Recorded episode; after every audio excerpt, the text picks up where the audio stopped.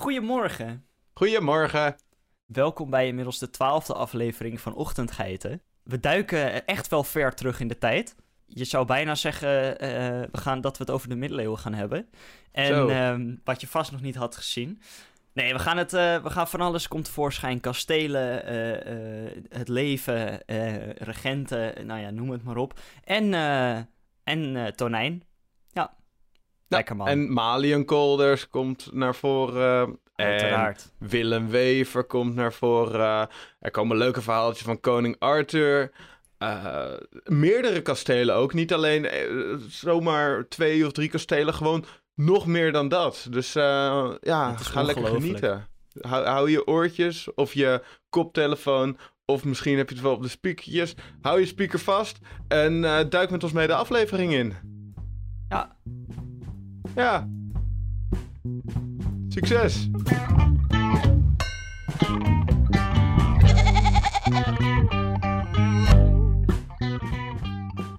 Nou, Sam. Vraagje voor jou. Ben je Ja. wel eens in het Muiderslot geweest? Absoluut. Hoe vaak? Ja, eh. twee keer denk ik maximaal, gok ik. Het is heel lang geleden. Hoe lang geleden? Heel lang geleden. Ah, nice. Hoe lang ge- ja, maar hoe lang geleden ongeveer? Dat was een serieuze vraag. Hoe lang geleden? Ja, ik heb geen idee eigenlijk. Ik was, volgens mij zat ik nog op de lagere school. Dus het is echt, eh, nou ja, minimaal twaalf jaar geleden. Ik merk dat Denk op, ik. Ik merk dat op een gegeven moment eh, gaan mensen, wanneer, wanneer mensen ouder worden, dan stappen ze over van, ba- eh, van basisschool zeggen naar lagere school zeggen. Dat is echt zo. Hoe ouder je bent, ga je op een gegeven moment ga je lagere school zeggen. Ik weet niet waarom, maar dat, ja, dat is gewoon iets wat gebeurt. Nou ja, ik ben in ieder geval... ook- erin. ja, precies. Ik ben in ieder geval ook echt heel lang geleden naar, de, eh, naar, naar de slot geweest. Ik eh, Ja. kan me nog vlagen ervan herinneren. Wat kun jij je ervan herinneren, Sam? Volgens mij de binnenplaats. En dat het gewoon een vierkant is eigenlijk. Met, eh, met ja, de bi- binnenplaats is ook gewoon een vierkant. Er is niks wat in het midden zit als het doorheen loopt. Dat is wat ik me volgens mij kan herinneren. Heel veel vierkanten in elkaar. Ja, Nice. maar ik, niks meer van binnen of zo. Dat, dat, daar is het echt te lang geleden voor. Nee, ik, ik kan me alleen maar een beetje vividly een vogelshow herinneren. eh, die daar Ja, gebeurde. En een true. beetje dat je door zo'n poort heen loopt en zo. Daar kan ik me een beetje. eh, ja, dat is het enige eigenlijk. Maar ik ben er vroeger wel ook meerdere keren geweest. Eh, waarom ik het heb over het Muiderslot is omdat ik de geschiedenis van het Muiderslot wil delen. Ik vond het een hele interessante geschiedenis. Het heeft ook een hele la- lange geschiedenis. Maar ik wil van het deel tijdens de middeleeuwen, wil ik ja, gewoon een beknopt verhaaltje vertellen. Dus ben je er klaar voor?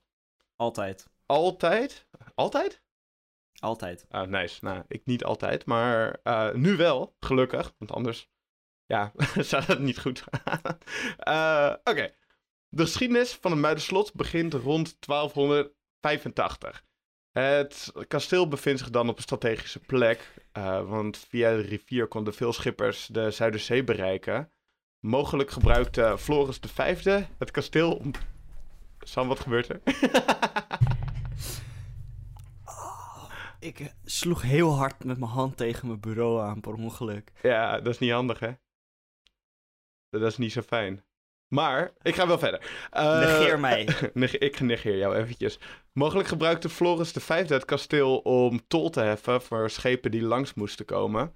Eh, Floris V liet niet het hele... eh, liet niet het hele kasteel bouwen, want vanaf de 10e eeuw bevond zich al een, op die plek een tolhuis. Eh tolhuis is eigenlijk een gebouw eh, aan een verkeer- of waterweg waar tol werd geheven of tol werd betaald. En onder Floris V werd dit bouwwerk uitgebreid met vier toren en werd het een echt kasteel. Dus een kasteel zoals we het vandaag de dag kennen.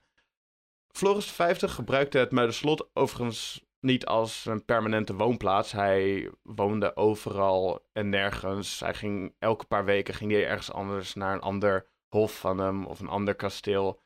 En soms was het in het platteland, soms was het in de stad. Dus eh, hij was overal en nergens. Eh, maar soms dus ook in het Muiderslot. Eh leuk feitje trouwens over de woningen van Floris V. Hij heeft vanaf, vanaf 1295 ook de ridderzaal van Den Haag uh, gebruikt. En deze had hij laten bouwen als voorbeeld van het Westminster Hall in Londen, die hij in 1281 had gezien. Ben je ooit daar geweest? Bij de Westminster Hall in Londen? Niet dat ik weet. Dat is een mooie zaal. Maar hij heeft dat dus, uh, dus de ridderzaal, die we ook altijd zien met Prinsjesdag, die is dus echt daarop gebaseerd. Uh, Floris V werd in 1296 slachtoffer van een complot. De graaf werd door enkele van zijn edelen, waaronder Herman van Woerden en Gijsbrecht van Amstel, voor mensen die in Oudekerk aan de Amstel wonen, een bekende straat, um, tijdens een uh, vogeljacht ontvoerd. Hier, het doel was om de graaf uit te leveren aan de Engelse koning Edward I. Die hadden een beetje fitty met elkaar. Een groep medestanders van de graaf wilde dit echter verijdelen en hield de edelen tegen toen die de, uh, de graaf naar een schip brachten en deze probeerde over te brengen over de zee. Een van hen, Gerard van Velsen, was echter niet van plan om de graaf levend over te dragen. En toen werd hij vermoord. Uh, Floris V werd vermoord, niet, uh, niet Gerard. Maar die werd door een zwaard om het leven gebracht, omdat hij hem dood naar de Engelse koning wilde brengen. En deze titel wordt ook wel betiteld als de eerste, uh, de eerste politieke moord van Nederland. De, dat is, wow. Echter, dat is niet waar, want hiervoor waren er ook andere politieke moorden. Want er waren gewoon veel graven, gravinnen. En er gebeurde wel eens uh, complotten om stukjes land af te pakken en om mensen te doden. Maar het is wel de eerste echte bekende politieke moord in Nederland. En ja. Eh, Floris V werd opgevolgd door zijn minderjarige zoon Jan, die zich op het moment uh, nog in Engeland bevond. Willem Berthout van Mechelen, de toenmalige bisschop van Utrecht, zag hierop, uh, hierdoor zijn kans en veroverde toen het Muiderslot. Mogelijk liet hij het kasteel hierna verwoesten. Uh, er is ook meerdere keren gesuggereerd dat de stenen vervolgens gebruikt zouden worden voor een, oud, uh, voor een uitbouw van een inmiddels niet meer bestaand kasteel Vreeland in de buurt van Loenen. En daar waar Loenen ligt. Maar shout-out naar Loenen. Uh, dit is echt super zonde, vind ik persoonlijk. Ga je een kasteel ja. slopen en ga je dat gebruiken voor je uitbouw. Stel... Maar toen dachten ze daar niet echt verder over na van... Hmm, misschien over 700, 800 jaar gaan ze dit kasteel wel missen. Hmm, nee, maar gewoon... Daar waren ze niet mee bezig. Gewoon in zijn algemeenheid. Stel, Sam, ik zou jouw huis overnemen. Dan ja. ga ik... Ja, kan gebeuren, je weet het nooit. Dan ga ik, in plaats van dat ik het zou uh, gebruiken als tweede huis... helemaal mollen en uit elkaar halen... om er een uitbouw van te maken voor mijn eigen huis. Dat is toch niet nodig? Ik nee. gewoon lekker jouw huis, lekker strandhuisje, lekker dicht bij de zee. Dat is veel handiger. Maar het was toen wel een stuk, ik snap het wel, want het is wel een stuk goedkoper om dan steen, bestaande ja. stenen die al gebruikt zijn te gebruiken dan helemaal nieuwe te laten maken. Ik snap het ook wel, maar je hebt dan een kasteel. Ja. Dat is gewoon zonde als je dat niet uh, doet. Maar en gelukkig, uh, rond 1370 besloot graaf Albrecht van Beieren het kasteel alsnog te herbouwen. Dit was ook vooral dankzij de strategische lichting ten opzichte van Utrecht en Friesland. Aan de zijde van de Zuiderzee werd het kasteel uitgebreid met een woonvleugel. In 1417 kwam het graafschap in handen van Jacoba van Beieren. Uh, deze gravin bleef, helaas kinderloos.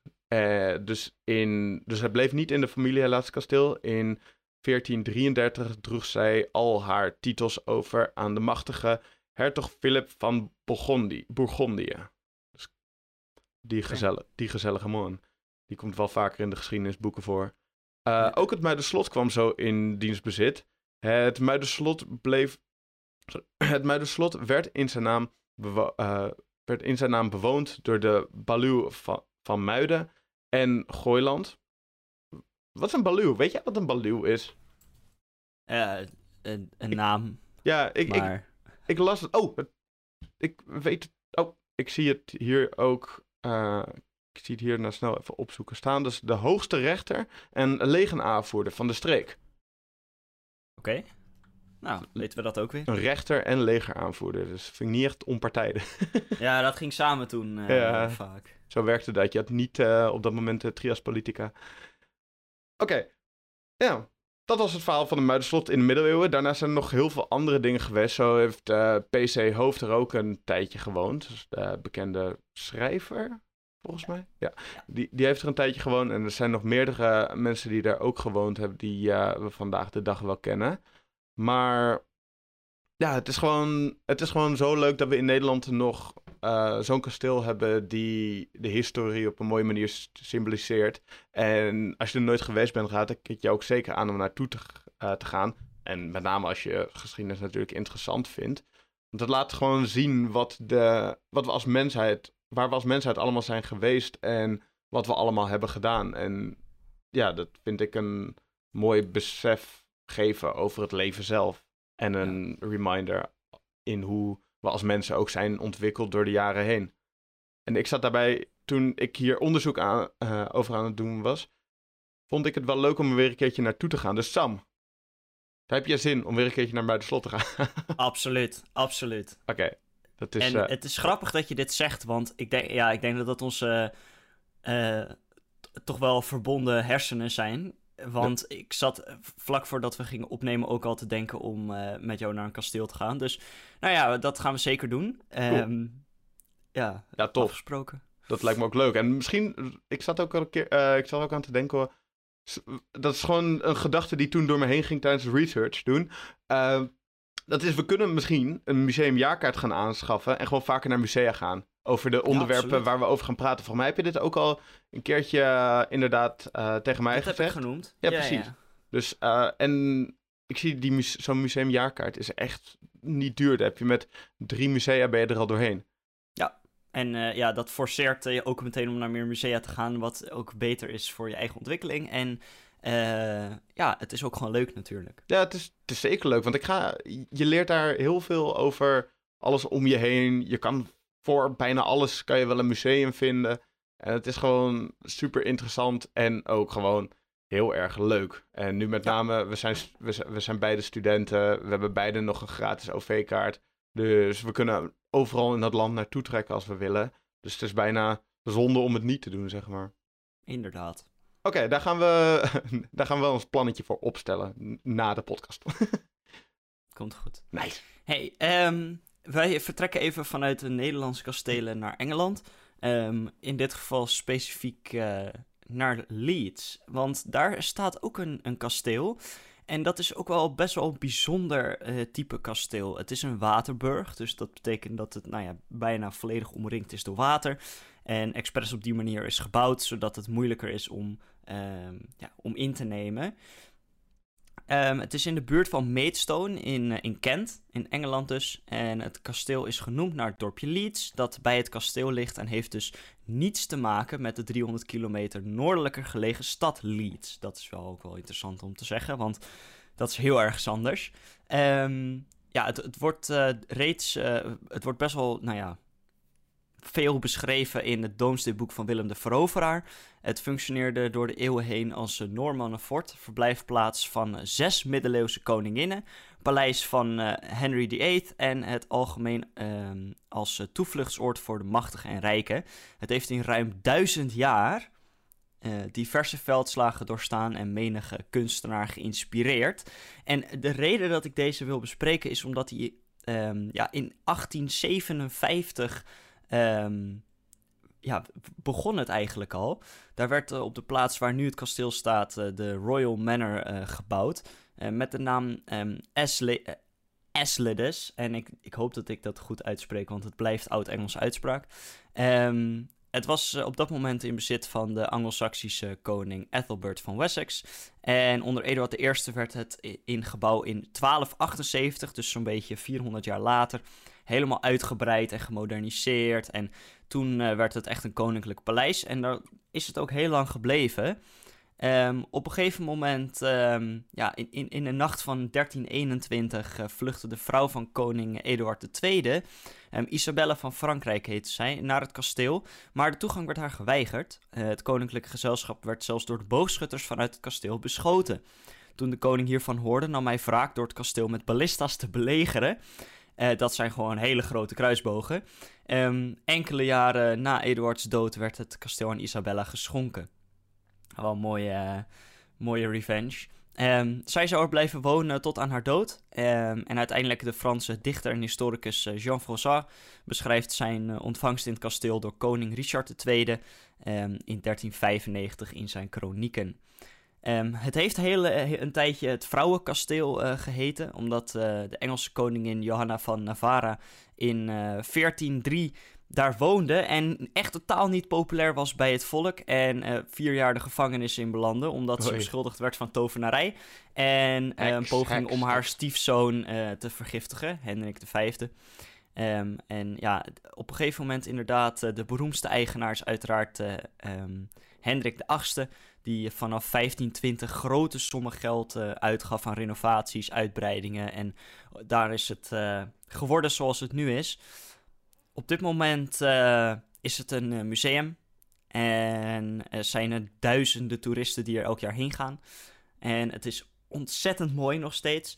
Maar ik vind het vooral bijzonder omdat het al bestaat sinds 1857. Niet in deze vorm natuurlijk, maar dat er wel op die plek al een, ja, to toch wel een, een bijzondere plek is. En dat het al heel lang voor vorsten en, en regenten en, en, en belangrijke rijke mensen uit Engeland een, een plek heeft geweest. Dus ja, ik kan er zeker aanraden om erheen te gaan. Het is een ontzettend mooie plek ook. Um, ja, het, het, is echt op een, een soort... de gracht is best wel breed, maar het, het, is gewoon natuur eigenlijk. Alleen het kasteel zelf is natuurlijk... Ja, en de grond waar het op staat is aangelegd. Maar uh, daaromheen is het gewoon een, een soort meertje. Dus het is heel gaaf om te zien. Het is ook echt een... Ik, ik zie het nu ook voor me. En het is echt een, uh, echt een eilandje inderdaad waar het op staat. Het is echt heel erg vet. Ben je er zelf ook geweest? Um, ik ben er bijna geweest. Ik ben in oh, heel veel landgoeden, kastelen en weet ik wat in Engeland geweest, maar deze helaas nog niet. Nog niet, zeg ik, want ik uh, ga graag naar Engeland en ik denk dat deze ook wel op het lijstje gaat zodra ik daar weer ben. Cool. Ja, heel um, vet. Dan. Ik vind, ik vind, ja? ik vind het ook uh, heel leuk dat, uh, dat jouw verhaal en mijn verhaal op een bepaald punt, punt een beetje samenkomen met Edward, ja. Edward de Eerste. Dat, die, die wilde natuurlijk Floris, Floris de Vijfde hebben. En ik vind het leuk dat binnen de geschiedenis... dat je soms die mooie overlappingen tegenkomt... van totaal verschillende verhalen die we aan het vertellen zijn... maar toch ja, wel rollen, rollen spelen in elkaars geschiedenis. Ja, toen waren er natuurlijk ook een stuk minder mensen dan nu. En de kans dat Um, zeker tussen Frankrijk, uh, Engeland en Nederland. De kans dat daar iets gebeurt ja. tussen individuen was best wel groot. Ja, precies. Vooral um, belangrijke individuen, inderdaad. Ja, dus um, ja, dat, dat is, verbaast me inderdaad ook niks. Nee. En uh, ja, het Muiderslot is natuurlijk ook al best wel oud. Hè? Dat, Klopt, dat helpt ook wel mee. En dan gaan we eigenlijk... Ik ga even de sprookjes in. En uh, niet zozeer letterlijke sprookjes, maar wel iets wat lijkt op een sprookje. Um, Slot Neuschwanstein in Duitsland. Um, dat kennen de meeste mensen eigenlijk wel. Um, als je het niet kent, dan uh, ben je verplicht uh, namens mij om erheen te gaan. Want het, het is ongelooflijk. Het is gewoon of je naar het kasteel van, van, van Doornroosje of zo kijkt. Hoe heet het, het ook alweer? Neuschwanstein. Het is ontzettend ik, mooi. Hoe, hoe, spel ik dat? N-E-U-S-C-H-W-A-N-S-T-E-I-N. Oh, oké. Nou, luisteraars het is in het ook zien. Um, en het is gebouwd in de tweede helft van de 19e eeuw. En dat is dus wel bijzonder, want het is echt een heel erg recent kasteel. Um, en je ziet het ook terug in de bouwstijl, maar het is vooral um, bijzonder dat ze in die tijd nog zo'n gigantisch gebouw hebben neergezet. Um, ja, dat, dat zie je gewoon eigenlijk niet. Ja, je ziet het wel vaker in Duitsland, maar over het algemeen zie je het wat minder vaak. Het is ontzettend mooi. Het is in opdracht van de later krankzinnig verklaarde koning Ludwig, oftewel Lodewijk II van Beieren, gemaakt. Ah, ja. Ja. Um, en uh, ja, het, het, is het beroemdste bouwwerk van Lodewijk II. En um, ja, met ongeveer 1,3 miljoen bezoekers per jaar, een van de populairste toeristische attracties van Duitsland. Dus de meeste mensen kennen het ook wel. Uh, maar daarom zeg ik, als je er niet bent geweest, ben je verplicht om erheen te gaan. Um, ik kwam er als klein jochie en ik voelde me echt uh, een, een ridder in een, in een verhaal. Het is ongelooflijk in welke leeftijd, welke, uh, wat en wie je ook bent. Het maakt helemaal niet uit. Je gaat daarheen en je, je voelt je gewoon uh, magisch. Het is ontzettend ja. gaaf. Ehm, het, eh, Walt Disney heeft het eh, bezocht, het eh, kasteel, voordat de bouw van het eerste eh, themapark eh, begon. En het was de inspiratie voor het kasteel voor Doornroosje in Disneyland in Californië. Ja, daar dacht Dus- ik ook al gelijk aan. In een Disney-kasteel. Ja, dus dat is ook wel de leuke verbinding en waarom ik het ook wil noemen. Omdat het een directe verbinding heeft met Disney en met onze ja, moderne cultuur. Ja, en, En, met onze zielen en hartjes.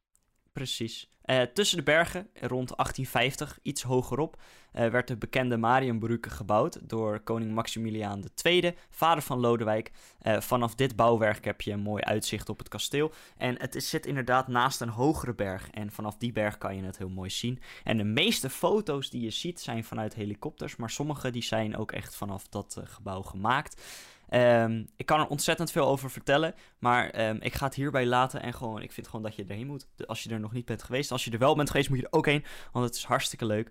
Ehm, maar dit heeft dus wel een beetje een, een, een trend gezet, in Duitsland in ieder geval. In de 19e eeuw eh, kan je dus wel spreken van een soort burgtenromantiek. Want eh, toen gingen ze echt eh, ja, kastelen, burgten bouwen, inderdaad in een romantische stijl, zo mooi mogelijk. Echt, ja, om een status te laten zien, maar ook om er echt een paleis van te maken. Dat gaat vaak hand in hand, maar toch. Ehm, en onder andere slot Liechtenstein is, eh, is eh, daardoor gebouwd. Is een iets kleiner kasteel, echt centrum eh, ja, van, van, de van de zuidelijkste provincie van, van Duitsland. En het, het, is ook wel bijzonder omdat het... ehm, ja, het, het is wat minder bekend, maar een beetje dezelfde stijl. En het lijkt alsof het gewoon een, een aanbouw is van Neuschwanstein, maar dan verplaatst. Want Ja. het ziet er bijna hetzelfde uit, maar dan gewoon met een hele grote mooie toren. Ja, qua Ehm, ligging, eh, ligging en stijl, maar ook vooral de ligging die spreekt heel erg aan. het is gewoon Ja. bovenop een berg, bovenop een rots. Het is inderdaad boven op een berg gebouwd, wat het ook wel ontzettend mooi maakt. En ehm, ja, je, je kan er ook alleen maar komen vanaf een, een, een smal bruggetje. Want anders, dit, dit is gewoon anders niet mogelijk. Nee. Ehm, in ieder geval op dit moment. Ehm, de naam betekent eh, glanzende steen of heldere steen. Dus dat is ook wel leuk om, eh, om te weten. Het kasteel, waarom ik het wil noemen, is geïnspireerd op een boek. En dat boek heette Liechtenstein. En dat is geschreven door Wilhelm Hauff. En dat is in 1826. En het kasteel werd gebouwd tussen 1840 en 1842. Daarna, dus na het boek. En het is daar ook direct door geïnspireerd. En ehm, ja, de, de ruïnes van het daadwerkelijk middeleeuwse kasteel, die de roman weer hebben geïnspireerd, liggen op een paar honderd meter afstand. Je? Eh, dus ja, zo is het cirkeltje rond. Maar Ja. ook wel eh, bijzonder om te noemen. Allerlaatste, en die is toch wel echt heel dicht bij huis, in ieder geval voor Mm. mij, is in Heemskerk. Heemskerk. Daar, ehm, ja, ik zou eigenlijk Heemskerk moeten zeggen, maar ik kom hier vandaan en dan spreek je het raar uit. dus als eh, uitleg je, van je, mijn, je, eh, moet het, je moet het ook uitspreken zoals je hebt geleerd om het uit te spreken als Heemkerker. Heemskerk. Nice. Ja, dat is. Lekker. Dat Ehm, voelde fijn. Het eh, slot heet Oud Haarlem. Eh, toepasselijk genoeg. En er staat ook nog een, eh, een soort boerderij. Die is wel al een, deels afgebrand, helaas, een aantal jaar geleden. Maar er staat nog steeds een groot bord met Oud Haarlem op. En eh, het is een voormalig kasteel waarvan de resten ja, dus in Heemskerk liggen onder een weiland. Ehm 400 meter ten zuidwesten van het slot Assenburg. Wat er wel nog staat, wat heel mooi is en ook gerenoveerde tuinen heeft. Ehm, ook wel echt een ontzettend bijzondere plek. Als je uit deze regio komt, dan ken je het 100%. Ehm Oud Haarlem werd in 1248 gebouwd door Simon van Haarlem. Toevallig. Ehm, in 1351, tijdens de Hoekse en Kabeljauwse twisten, mooie naam van de oorlog, werden, werd het belegerd en verwoest. Wat? De Hoekse en Kabeljauwse twisten. wat, is dat, wat is dat voor een oorlog? Weet jij dat? Of? Ehm, de Hoekse en Kabeljauwse twisten was het eh, strijd tussen verschillende eh, ja, eh, ja, facties, noemen ze dat, binnen de elite van het graafschap Holland. Ehm. Zowel adel als steden waren erbij betrokken. En het was tussen de, nou ja, de tweede helft van de 14e eeuw tot eind 15e eeuw. Dus het duurde best wel lang. En dit kasteel Oud Haarlem werd in het begin al vernietigd. En ehm, ja, het, het, was tijdens dat het uh, vernietigd werd eigendom van Jan II van Polanen, die zelf tijdens het beleg uh, dat tenminste enige maanden duurde niet aanwezig was. Um, en bij luchtfotografie in de jaren 1930 is het kasteel herontdekt. In uh, 1960 is uh, archeologisch onderzoek gedaan naar resten van het slot. Het kasteel zelf is nooit onderzocht, alleen de voorburcht is in kaart gebracht. Uh, bij dit onderzoek werd een belangrijke bronsschat gevonden. En de in de ondergrond aanwezige resten van het kasteel worden niet bedreigd. Daarom is besloten verder onderzoek over te laten aan latere generaties. Wat anno 2016 uh, van het voormalige slot zichtbaar is, zijn onregelmatige verhogingen in het weiland. Je ziet echt een paar heuvels. Um, op sommige plaatsen zijn resten uh, aan het maaiveld zichtbaar. Sinds uh, 1977 staat dit bodemarchief op de lijst van archeologische rijksmonumenten. Als je er bent, dan zie je ook echt de heuvels. En vroeger dat is wel grappig. Toen ik uh, bij, uh, als kind in de auto zat bij mijn ouders, toen zei mijn moeder altijd: Ja, Sam, daar liggen resten van een kasteel. En ik geloofde het in het begin niet. Maar het, het is echt zo. En je ziet het ook echt ehm, dat de muren daar gewoon liggen. En het Oh, zijn zulke opvallende, vreemde heuvels dat er wel iets onder moet liggen. Ja. Ehm, in 2020 hebben ze bodemradaronderzoek gedaan. En eh, daardoor eh, blijkt dat het, eh, nou ja, het gehele terrein van 9000 vierkante meter is onderzocht. En op fundamenten van het kasteel en ja, de contouren van het kasteel zijn vastgelegd. Het is gebleken dat ehm, ja, slechts een deel is onderzocht en gevonden door Renault. Die overigens degene was die in 1960 het onderzoek deed. Dus het allereerste onderzoek. Ehm, het is verder nog een beetje onderzocht, maar ehm, ja, het, het leuke is dat, dat, het, dat het dus pas in 1960 eigenlijk echt werd onderzocht. En in 1930 werd gevonden, terwijl het er dus al heel lang was. Dus mijn vraag is dan dus ook, Ja. ongetwijfeld, zijn er dan ook meerdere plekken, in Nederland in ieder geval, ook wel in andere landen ongetwijfeld, maar vooral in Nederland even, waar dit soort s- ja, burchten en, en, en kastelen niet meer bestaan, maar wel hebben bestaan. En dus onder de grond liggen, misschien wel op plekken eh, waar mensen geen idee van hebben. Waar nu het dicht bevolkt is en, en weet ik veel wat. Oh, dat geloof ik zo. Ja. Dat kan, Ja, en, me- en kan wij, me zo wij voorstellen. leven in. Nederland niet echt in een cultuur dat wij heel erg bezig zijn met archeologisch gebied. Wel, deels, maar veel minder als dat je in andere landen ziet. Als je bijvoorbeeld in Griekenland komt, dan heb je van het oude eh, Griekenland heb je overal opgravingen en dingen. En alles wordt daar bewaard en bewaakt. En hier eh, zie je dat een stuk minder. Er moet echt actief naar gezocht worden en dan heel veel moeite gedaan worden om het eh, ja, vrij te houden van nieuwbouw.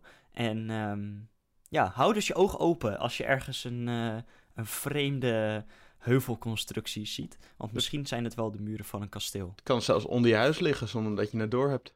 Inderdaad. Maar dat is, zou dat kunnen komen dat wij hier minder op die archeologie gericht zijn, omdat wij, zeg maar, ik weet van mezelf, ik vind Griek, de oude Griek heel vet, ik vind het oude Italië en het oude Rome vind ik heel vet. En daar ben ik ook geweest, dan zit je echt je ogen uit te kijken. Maar in Nederland, ja, je, je hebt wel de middeleeuwen dat wat, dat- en je hebt zeker in de geschiedenis van, eh, van Nederland heb je hele vette dingen. Maar het is toch een beetje. Je krijgt. Tenminste, dat zie ik ook tijdens geschiedenislessen gebeuren. Dat het een beetje zo van ja, nee, is niet heel interessant of zo. Nou ja, er is heel veel gebeurd in de middeleeuwen. en zeker. Ontzettend veel verschuivingen qua macht. En mensen die gewoon elkaar eh, neerhaalden puur om meer land te hebben en meer macht. En Maar Ik denk dat dat, het, stukje conflict heeft zich zo lang plaatsgevonden dat er zoveel namen, zoveel kastelen, zoveel landgoeden eh, daarin betrokken zijn, ja, dat het ook een beetje vreemd is om alles te benoemen. En er, er zijn er niet heel veel die heel erg eh, veel belangrijker zijn. En degene die dat wel zijn, die zijn wel besproken. ja, dat is waar. Dat is zeker waar. Maar je hebt, eh, ja, je hebt natuurlijk ook voor bijvoorbeeld oude Romeinse tijd, bijvoorbeeld grote, bijvoorbeeld Julius Caesar, dat soort namen. Dat zijn gewoon namen die iedereen kent. En als je kijkt naar Nederland, heb je inderdaad wel, ja, kan eigenlijk niet heel veel daarvan opnoemen. Maar ja, Floris de Vijfde dan, waar vroeger de televisieserie Floris over gemaakt is. Maar verder, ja, verder vind ik, is dat, ja, je hebt natuurlijk wel grote figuren, maar grote leiders. Nou, dat vind ik moeilijk om op te noemen. En ik denk dat dat ook deels meedraagt dat we daar zo weinig onderzoek naar doen. Omdat het voor heel veel mensen een beetje, omdat het inderdaad zo, zo veel en zo, omdat die geschiedenis heel erg lang is en er heel veel in gebeurd is. Ja. eh, ja, dat trekken mensen op een gegeven moment toch daarvan weg. En dan vinden ze dat toch minder interessant, omdat het ook minder behapbaar is. Ja, plus de, eh, als je kijkt naar het oude Rome en het oude Griekenland, dat is de basis voor de, voor, ehm, Civilization, ja, de- ja. voor, voor de, de, z- de maatschappij zoals die nu is. Ja. Ehm, echt de grondlegging daarvan.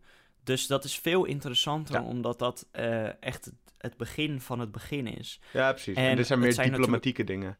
Ja, en het zijn ook grotere rijken geweest. En eh, eigenlijk is Napoleon de enige die je echt kan noemen van, oh, die is echt interessant. Ja, Alexander de Grote natuurlijk. Maar buiten dat, eh, ja, is er weinig te noemen dat je echt zegt van, wow, dit is echt... Ja, dat, daar zullen heel veel historici het waarschijnlijk niet mee eens zijn, maar...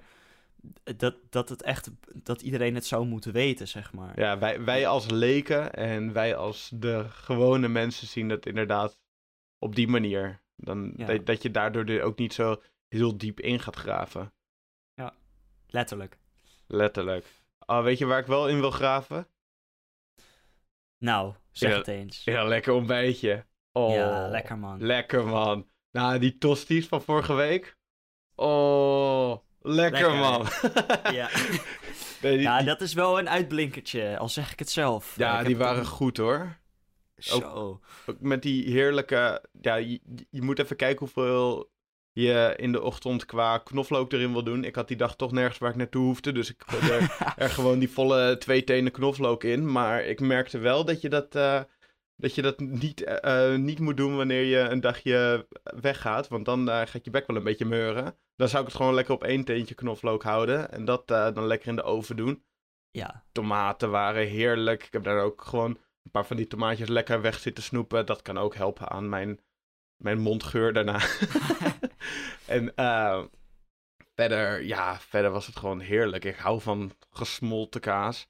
Ik, eh, ja, zo, zoals je waarschijnlijk ook op de Instagram zag, ze waren goed gelukt. Waren lekker, Ja. goed gesmolten kaas. zag Ja. er heel goed uit. Het was, het, was, het was een feestje. Het was echt een feestje om te eten. Dus eh, bedankt voor het benoemen van dit. Ik had eh, gelijk daarna weer een... eh, ik, ik maak nooit tossies met cheddar kaas. Ik doe altijd gewoon met de kaas die ik in huis heb. En niet speciaal cheddar kaas. Dus ik Ja. vond dit wel... ja, ik vond het wel leuk om nieuw te proberen. En heel erg lekker. Dus ik heb gelijk een zak cheddar kaas erbij gehaald. En dus ja, dat is heerlijk. Dat was Nice. het was geweldig en ik ga het vaker eten.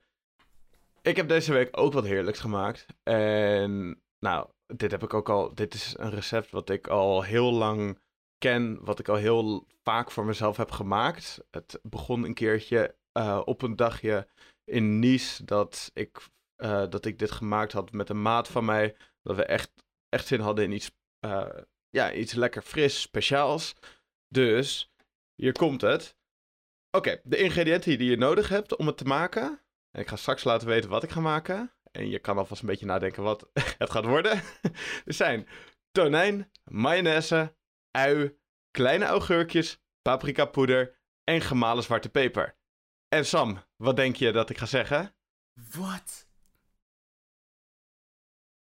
Nee, ik, eh, ik ben naar buis. Oké, het is een tonijnsalade. Ja, ja, dat was wel mijn, mijn gok, maar ik wilde niet... Ja, oké, fair enough. Nee, eh, ja. Ja. Dat kan ik heel goed begrijpen, dat je, dat je gok is. Maar dat dat een beetje misschien raar zou klinken als je dat ineens random zou zeggen. ja. Dit is echt heerlijk om te eten op een zonnige dag. De heerlijke lekkere tonijnsalade. Ehm, wat, je, nou, wat, wat het een beetje is met het eh, recept, is ik maak hem ook altijd een klein beetje anders qua verhoudingen. En ik denk ook dat het belangrijk is om zelf een beetje te kijken naar verhoudingen van wat je lekker vindt. Dus ik noem geen verhoudingen op, dus dan weet je dat. Eh, je moet zelf even kijken. Sommige mensen die houden meer van eh, rauwe ui dan andere mensen. Sommige mensen vinden het lekker om meer kleine augurkjes erin te doen. Ik ben persoonlijk een groot mayonaise liefhebber, dus dat zie je ook terug in mijn tonijnsalades. Ehm, wat je doet, is je versnippert de ui en snijdt de augurk in kleine stukjes. Daar doe je de tonijn bij, daar doe je de mayonaise bij. De uh, tonijn kan je gewoon lekker uit blik halen. Dat is gewoon heerlijk. Uh, je moet niet met, uh, met alle olie of alle water erbij doen. Dan wordt het een drassige tyfusbende. Niet schelden, Jeroen. Jawel. Oké. Okay. en als, je, als je dat laat uitlekken, dan, en je kijkt een beetje hoeveel, hoeveel van alles je wilt, kan je dat nog lekker gaan opspicen met een beetje paprika poeder en een beetje lekker gemalen zwarte peper. En doe je dat gewoon lekker op een toastje of doe je dat lekker op een broodje. Het lekkerste is als je je broodje eerst even in de broodrooster doet. En wanneer die gewoon net een beetje bruin is, hoeft niet helemaal een zwart geblakerd broodje te hebben. Dat is ook niet lekker. Dan, uh, behalve als je dat wel lekker vindt natuurlijk. Dan, dan, ja, dan kan je hem erop doen. En je kan er ook nog een blaadje sla onder doen. En gewoon weer heerlijk eten. Een slaatje bla. Een slaatje bla onder doen.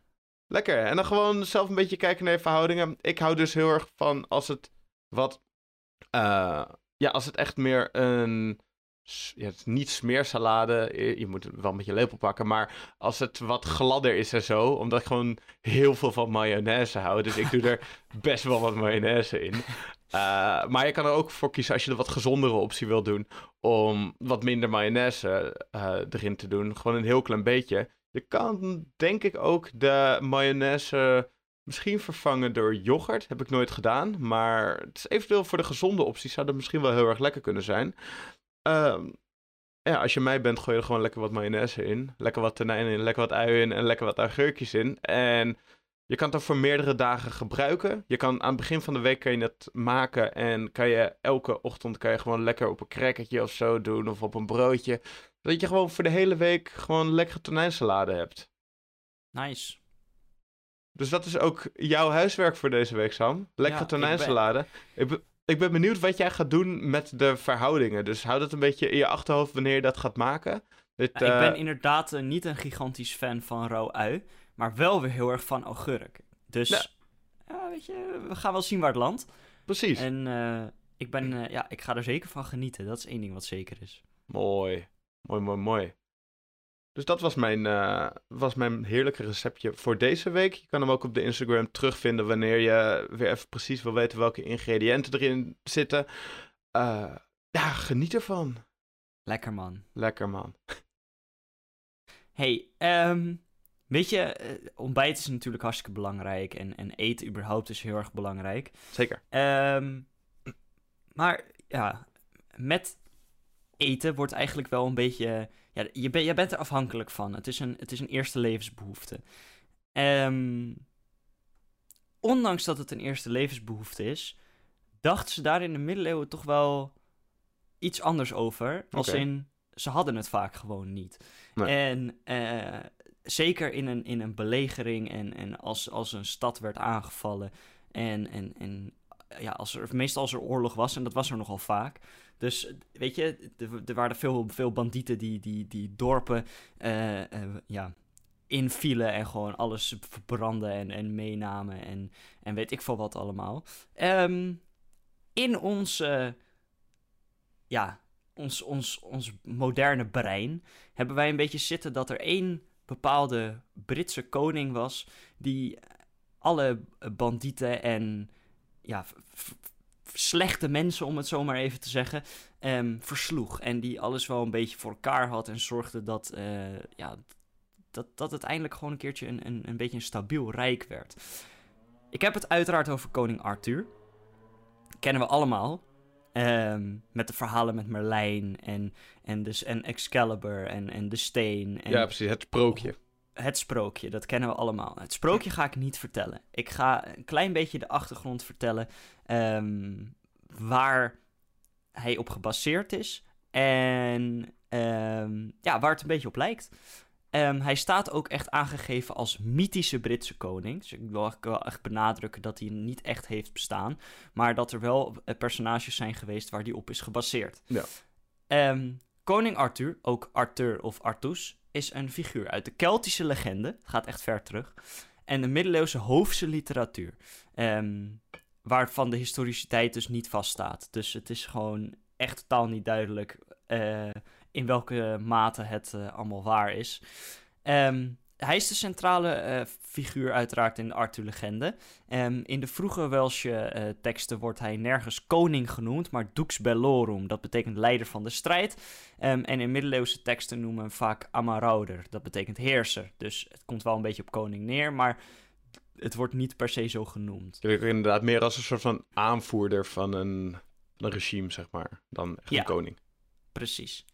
Ehm, volgens sommigen, door historici min of meer betrouwbaar geachte bronnen, hè, het is allemaal wel een beetje twijfelachtig nog, Beetje los en maar red- redelijk betrouwbaar, eh, was Arthur een Romano-Britse legeraanvoerder. Inderdaad, wat jij zegt, eh, die tijdelijk een halt toeriep aan de veroveringen van de Angelsaksen in het Brittannië van de 6e eeuw. Dat is lang geleden. Ehm, nadat de Romeinse legioenen die provincie had verlaten. Ehm, van Arthur wordt beweerd dat hij meerdere slagen heeft gewonnen tegen de Saksen, waarvan de slag bij eh Mons Badonicus de bekendste is. Nou ken ik die persoonlijk niet, maar de historici onder ons wel. Ehm, zeker is dat eh, rond deze tijd inderdaad een heropleving van de Britse macht in Engeland plaatsvond, tegenover de Anglo-Saxische macht. Hoeveel daarvan aan Arthur moet worden toegeschreven is echter niet meer dan giswerk. Ehm, sommigen identificeren hem met ene Riotamus, een Bretonse koning, die tijdens de regering van Anthemius leefde. Het zijn allemaal namen die heel lang, van heel, heel, heel lang geleden zijn. En je merkt ook aan de namen dat ze gebaseerd zijn op eh, Romeinse namen. Nou ja. Ehm, helaas is over Riotamus eh, weinig bekend. Het is eh, zelfs niet zeker of Bretonse koning refereert aan een koning van Brittannië of van Armorica, de oude naam van Bretagne. En dan niet Brittannië, maar Bretagne in Frankrijk. Hm. Andere historici eh, stellen dat er geen bewijs is dat Arthur daadwerkelijk heeft bestaan. Ehm, zo zijn er geen eigentijdse bronnen die hem noemen, maar bronnen uit deze periode zijn sowieso vrijwel afwezig. Dus dat is wel vrij logisch ook. Ja. Veelal wordt als argument aangehaald dat een andere Romeinse Brit, misschien Ambrosius Aurelianus, de leider was in de oorlog tegen de Saksen in de slag bij Mons Badonicus. Deze historici stellen dat Arthur gebaseerd kan zijn op Lucius Artorius Castus, een Romein uit de tweede eeuw, of een half vergeten Keltische godheid. Oh, oké. Nou, we hebben het hier over een span van ongeveer 600 jaar. Ja, precies. Ehm, dus het is totaal niet duidelijk op wie die daadwerkelijk gebaseerd is. Nee. Ehm, maar dit zijn een beetje de, de, de speculaties die historici eh, ja, onze kant op gooien. Ehm, ja, hij wordt het eerst genoemd in Welstalige literatuur, wat ik net al eventjes noemde. In een vroege gedicht, eh Igododin, van de dichter Aneirin uit de 7e eeuw, vinden we over Gwardur, is de naam. En de- eh, even, ik wil even benadrukken hoe je dat schrijft. G-W-A-W-R-D-D-U-R. Oh, dat, Ehm, dat sprak je het wel goed uit. Gwardur. Precies, zoals je het, eh, zoals je het schrijft. Guardoor. Ehm, hij gaf de raven te eten, al was hij niet Arthur. Dit gedicht echter is in de loop der tijd gewijzigd en aangevuld en het is niet zeker of de bedoelde regel een latere aanvulling is. Arthur wordt ook in het boek van Taliesin genoemd. Bijvoorbeeld, de zetel van de heerser refereert aan Arthur de Gezegende. In andere gedichten komen zinsneden voor als de moed van Arthur, wij gingen met Arthur in zijn grootste daden en zoals bij de slag bij Badon met Arthur, gever van feesten, met zijn zwaarde rood van de strijd, zoals alle herinneren. Ehm, Spannend. hiermee wil ik eigenlijk Leuk. aangeven dat eh, de sprookjes en zo die je Mhm. leest en ziet en de oude televisieshow en weet ik veel wat allemaal. ehm, het is allemaal uiteraard fictie, maar het is niet eens gebaseerd op een vast literatuurstuk. Dus dat, daarmee wil ik eigenlijk laten zien dat er vrij weinig nog bekend is over de vroege jaren van de middeleeuwen. En dat wat er wel bekend is, vaak ook nog eens elkaar tegenspreekt. Ja. Dus het is ehm, ontzettend vreemd en ehm, ja, mysterieus ook wel in die zin. En daarom denk ik dat het ook wel, in ieder geval voor mij als, als, als, als jonge jongen, eh, vroeger heel veel interesse eh, gaf. En het is natuurlijk ook waarmee je een beetje wordt doodgegooid. In ieder geval wij als, als, eh, als kinderen. Werden we echt doodgegooid met, met ridders en draken en noem het maar op. Ja. Ook mede door Walt Disney, maar ook gewoon door andere dingen die wij meemaakten in onze jeugd. Ja. En het- toch wel grappig dat het mysterie die er omheen hangt en nog veel groter is dan je eigenlijk denkt als kind. Want dan weet je eigenlijk helemaal niks natuurlijk. Maar je denkt, haha, ridders en koningen en draken en zwaarden en harnassen en paarden. Of tenminste, zo dacht ik. Ja, oh, En- ik, zeker ook. Dan gaat je fantasie kan eh, de eigen, zijn eigen vrije loop laten. En denk je daar gewoon echt van alles en nog wat bij. Kan je zelf ook daar buiten spelen als middeleeuwse ridder met een, met een stok. En op die manier avonturen beleven buiten met wat vrienden en zo. Juist. En dat, dat is inderdaad wat je zegt. Het is nog steeds, eh, zelfs nu je ouder bent, kan je dat eigenlijk, is nog steeds wat wij denken over die vroegere middeleeuwen, is nog steeds maar wat wij ons inbeelden wat het is, omdat er gewoon zo weinig over bekend is. Ja. Als wij denken aan de vroege middeleeuwen, dan zien wij waarschijnlijk bepaalde plaatjes eh, voor ons. Ik ben er trouwens deze week achtergekomen dat niet iedereen denkt in beelden. Dat, dat sommige Oh. mensen gewoon geen beelden voor zich kunnen zien. En dat, dat, dat vond ik een hele interessante opmerking. Maar, eh, sorry, eh, dat even tussendoor. Ehm, dat wanneer je ergens over nadenkt, dat, dat inderdaad gewoon, vooral voor het begin van de middeleeuwen, gewoon allemaal gedachten zijn. Vaak ook geromantiseerd hoe dingen in elkaar zaten en zo. En dat dat ook echt totaal niet hoeft te kloppen. Misschien was het wel dat het zo anders in elkaar dat, dat we denken dat het in elkaar eh, zit. Hè? Er zijn gewoon daar, zoals we eh, een aflevering, een paar afleveringen eerder hadden over de puzzel van de geschiedenis. eh, dat je allemaal puzzelstukjes hebt en de rest ga je aan de hand van die puzzelstukjes ga je zelf invullen hoe dat in elkaar heeft gezeten. Eh, Ja. Er zijn er heel weinig puzzelstukjes bekend over dat deel van de geschiedenis. Ja, en er, er is nog heel veel over waar die in wordt genoemd. In bepaalde literatuurstukken en eh, opgravingen die zijn gedaan en weet ik veel wat. Maar ik vind het juist wel leuk om, om de speculatie een beetje eh, aan te houden. Ja. En ehm, om het, het, het, het mysterieuze ervan en eh, het, ja, het, het kinderlijke ervan ook een beetje te behouden. Ja. En ehm, ja, dat, dat, om ook weer aan te geven dat de, de middeleeuwen kunnen... eh, ja, het, het heeft heel veel gedaan voor onze moderne wereld, maar tegelijkertijd... Er zijn zo ontzettend veel vraagtekens nog over heel veel wat er is gebeurd. Ja. En voor historici is het natuurlijk heel eh, fijn en belangrijk om dat te weten. Ehm, maar voor mij persoonlijk vind ik het juist wel leuk om de gaten eh, ja, een beetje in te vullen met mijn eigen ideeën en, en, en ja, hoe, hoe dat is gegaan. Ja, vet. Leuk dat je inderdaad, eh, dat je inderdaad wel verhalen bedenkt eh, die aanleiding zijn. eh, nou, niet aanleiding zijn, maar verhalen bedenkt die misschien die zijn gebaseerd op iets wat er vroeger gebeurd is. Dus die niet Ja, echt gebeurd zijn, maar die een beetje gebaseerd zijn op inderdaad een verhaal van koning Arthur.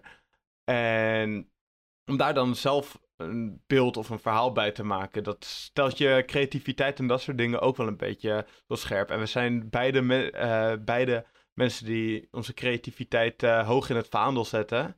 En die dat belangrijk vinden om te, om te hebben en om daar ook mee te spelen. Dat, ja. dat, dat het juist ook weer heel interessant maakt voor ons en leuk maakt. Van wat jij Ja. zegt inderdaad.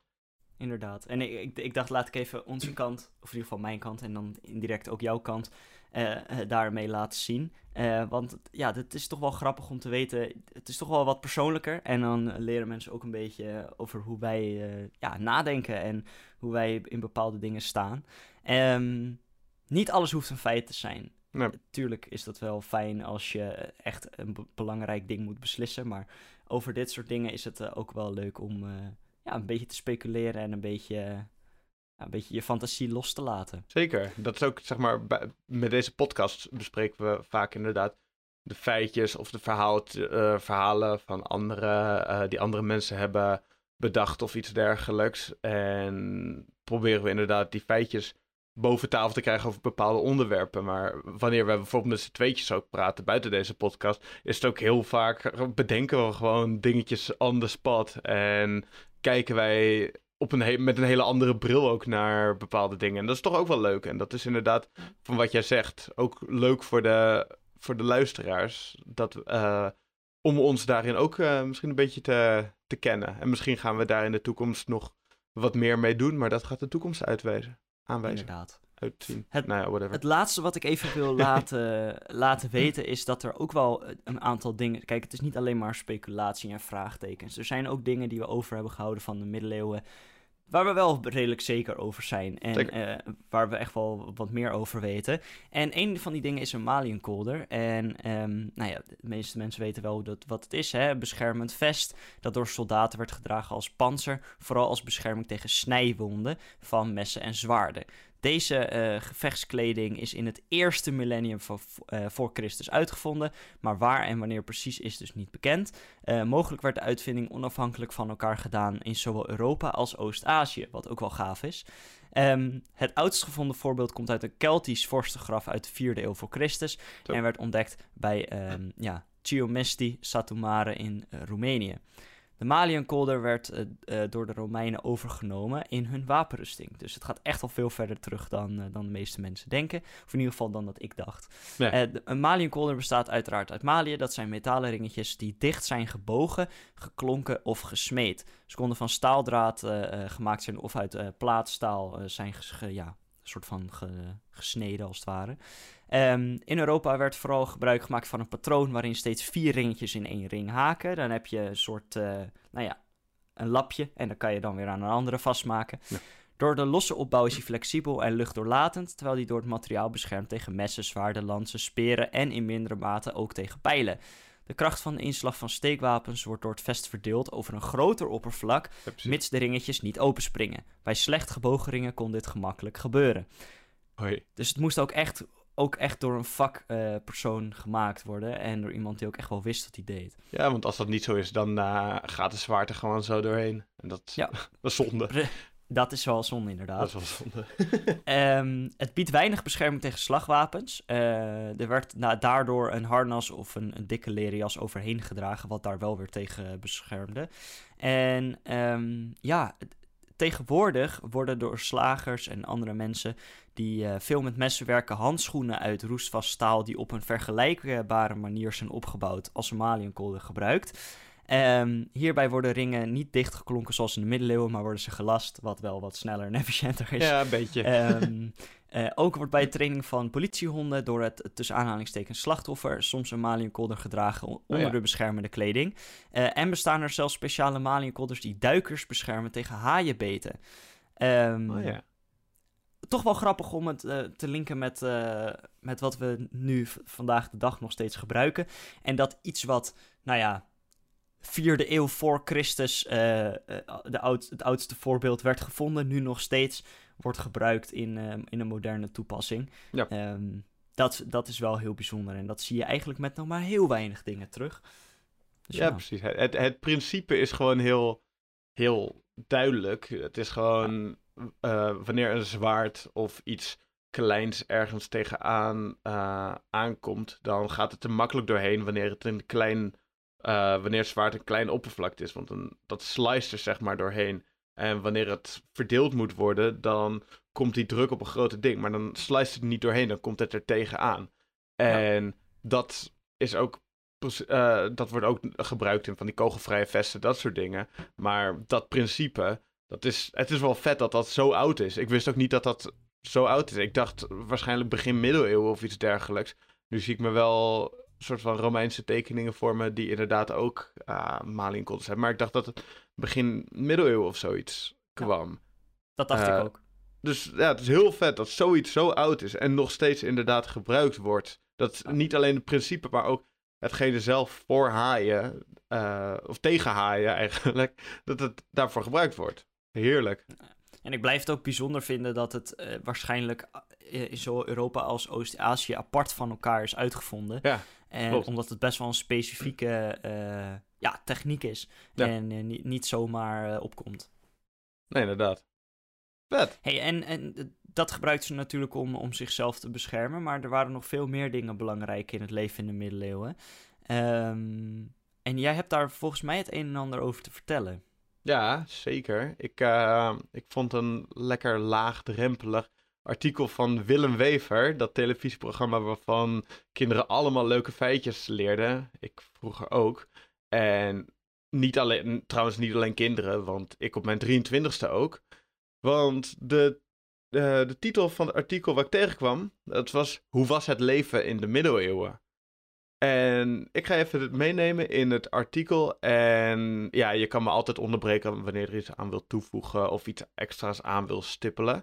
Ik, ik zal het artikel zelf ook onderbreken, omdat Willem Wever een beeld schept over een bepaald soort klasse. En ik ben geen historicus, maar ik heb wel een aantal opmerkingen over hoe Willem Wever hiermee om is gegaan. Dus laten we erin duiken in het mooie artikel van Willem Wever. Heerlijk.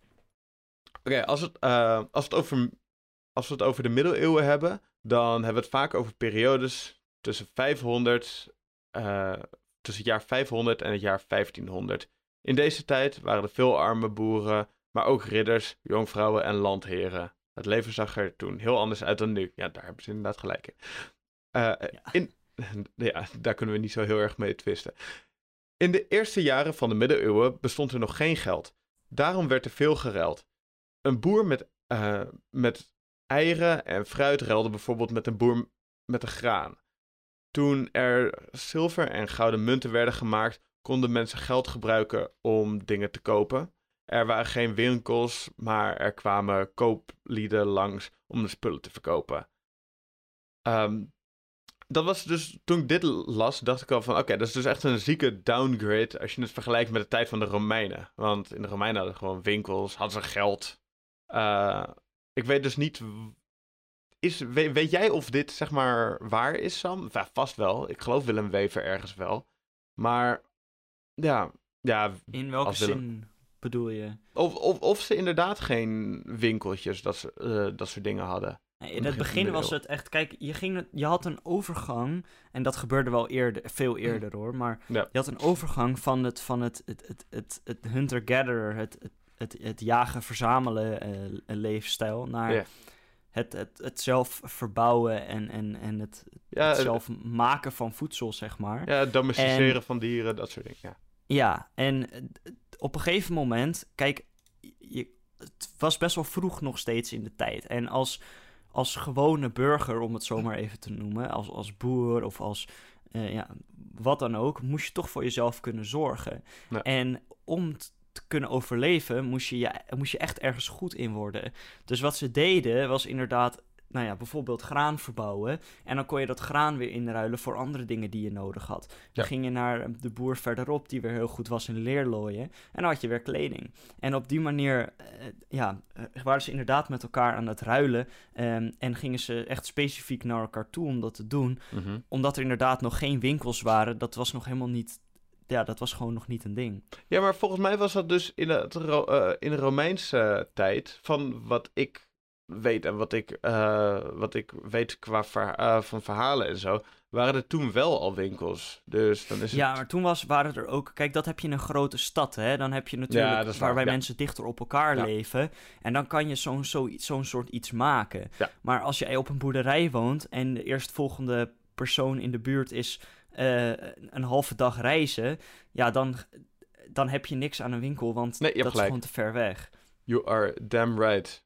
Dus uh, Willem Wever, dankjewel voor deze informatie. Oké, okay, we gaan verder met het artikel. En uh, sorry, niet alleen Willem Wever, Sam, jij ook bedankt voor de informatie. Ik ga nu niet alleen maar Willem Wever bedanken. Oké, okay. in de middeleeuwen werd er veel gevochten in Europa. Er waren toen nog veel kleine landjes en gebieden die oorlog uh, met elkaar voerden. Rond het jaar 1000 werden de eerste kastelen gebouwd in Europa.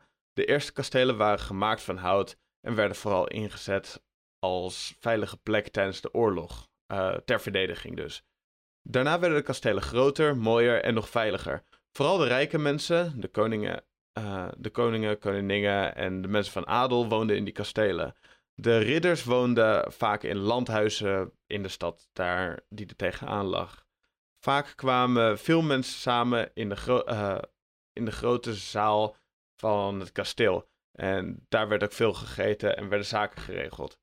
Ja, ik, het is leuk dat, ze dit, uh, leuk dat ze dit zeggen in het artikel. Maar wat ik een beetje merkte vanaf dit punt, merkte ik dat ze heel weinig meer tijd staken in de armoede en de gewone burgers. Uh, hmm. Veel gewone mensen leefden in kleine huisjes of op straat. De, maar dat, ja, dat ze dat soort dingen gewoon niet vermelden. Dat geeft voor mensen die dit lezen van Willem Wever, geeft dat wel een beeld dat niet heel erg correct is. Dan lijkt het alsof iedereen alleen maar heel veel aan het eten is in grote zalen. Ja. ja. Alright, verder. Het draaide in de middeleeuwen dus niet alleen om vechten. Het dagelijks leven speelde zich vooral af in de grote zaal. Hier kwam de kasteelheer om zaken te regelen die met het kasteel of zijn land te maken hadden. Ook kwamen er veel mensen bij elkaar om samen te eten. Meestal kwam er een nar langs. Dat is een soort grappenmaker van het kasteel. En mijn noot daarbij is alweer geen woord over armoede.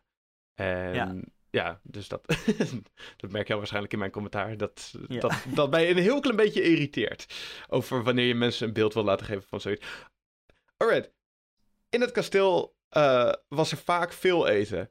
Dit werd boven een groot vuur klaargemaakt in een grote ketels. Ook draaiden ze vaak vlees aan een spit. Dat, uh, en dat deden ze met een ijzeren stok. De koksjongens van het kasteel moesten deze met de hand ronddraaien. Het eten buiten het kasteel was niet zo luxe, maar daar aten ze vooral veel uh, brood en vlees en dronken ze bier. Ja, als je inderdaad een hogere positie had, ook buiten, de, uh, buiten het kasteel, dan kon je inderdaad genieten van je broodje en van je bier. Maar er was ook een grote klasse die daar gewoon niet van kon genieten. En ja, uh, dat is, ja, wordt niet genoemd. ik, ben, ik ben heel erg kritisch over dit uh, ding van Willem Wever hoor. Zo zit ik niet altijd in elkaar, maar het, ik was wel een beetje zagrijnig toen ik het aan het lezen was. Snap ik. Het was ook een tijdsopname, dus uh, vandaar. Oké, en dan verder. In de middeleeuwen was kleding heel belangrijk. De rijken kleden zich heel netjes en mooi om, om zo aan iedereen te laten zien hoe rijk en mooi ze wel niet waren. De kleuren van de kleden hadden meestal ook een bepaalde betekenis. Blauw betekende dat je verliefd was, geel stond voor boosheid en grijs stond voor verdriet. Ik weet niet waar ze dat uh, precies vandaan hadden, maar ze vast wel ergens vandaan. Uh, vrouwen droegen sierlijke jurken en stopten hun haar weg onder hoofddeksels. De mannen droegen meestal een soort majo's met daarover een soort groot kleed met mouwen eraan. Een toga of zo, I don't know.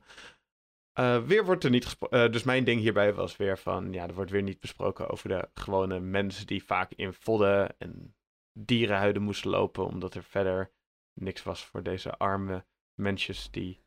Voor de normale peasants. Ja, het is, het, het is wel grappig, want kijk, je had het even over kleur en dat soort dingen. Ja. Symboliek was heel belangrijk toen. En je ziet het Zeker. ook terug in, in, in religieuze teksten, maar ook in, in nou ja, de, de, letterlijk in de vlaggen die wij nu nog steeds voor landen gebruiken en, en provincies en zo. Zeker. Geschriften, oude geschriften zie je het ook in terug. Er werd gewoon echt, je, kon, je hoefde niet een gesprek te voeren met iemand om erachter te komen wat er aan de hand was. Je kon het gewoon zien.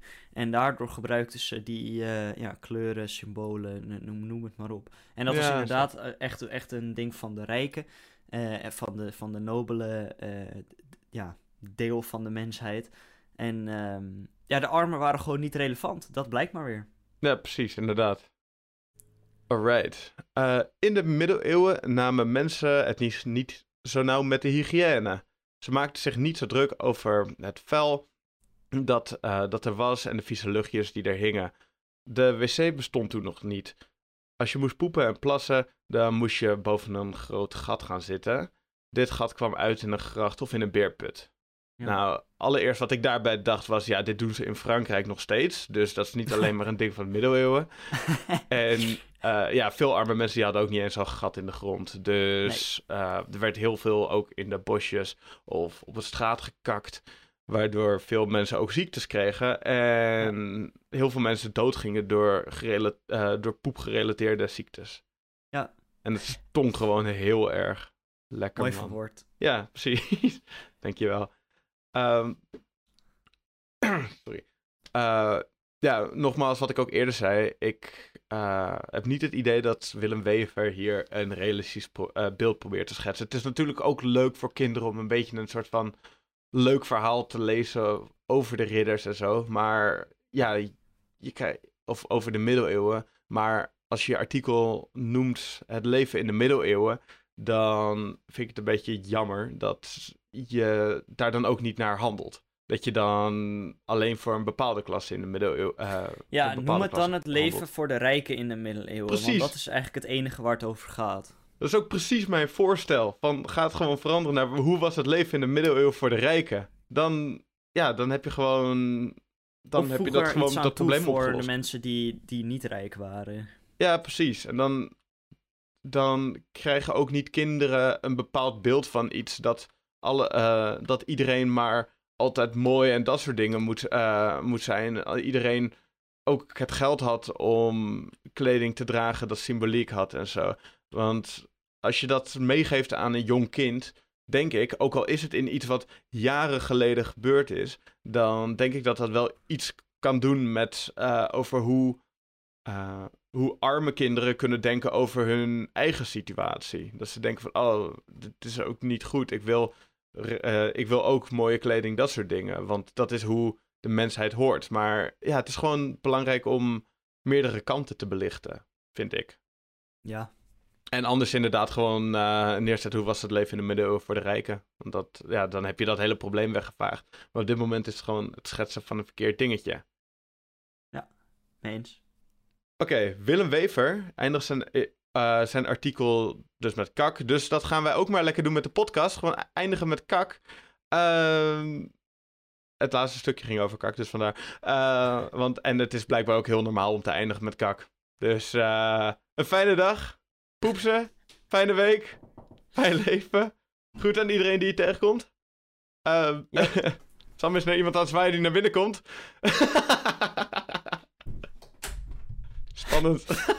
ja. Sam moet even tot, bijkomen. Uh, tot, uh, inderdaad, tot een volgende keer. En uh, ja, ja, ja, meer dan dat kunnen we er niet van maken, toch? Nee, precies. Tot de volgende keer. van de tonijnsalade. Ja, lekker eten, joh. En uh, volgende week zijn we weer uh, in je oortjes. Kunnen we weer lekker in je oortje fluisteren. Gezellig. ja. Doei! Doei!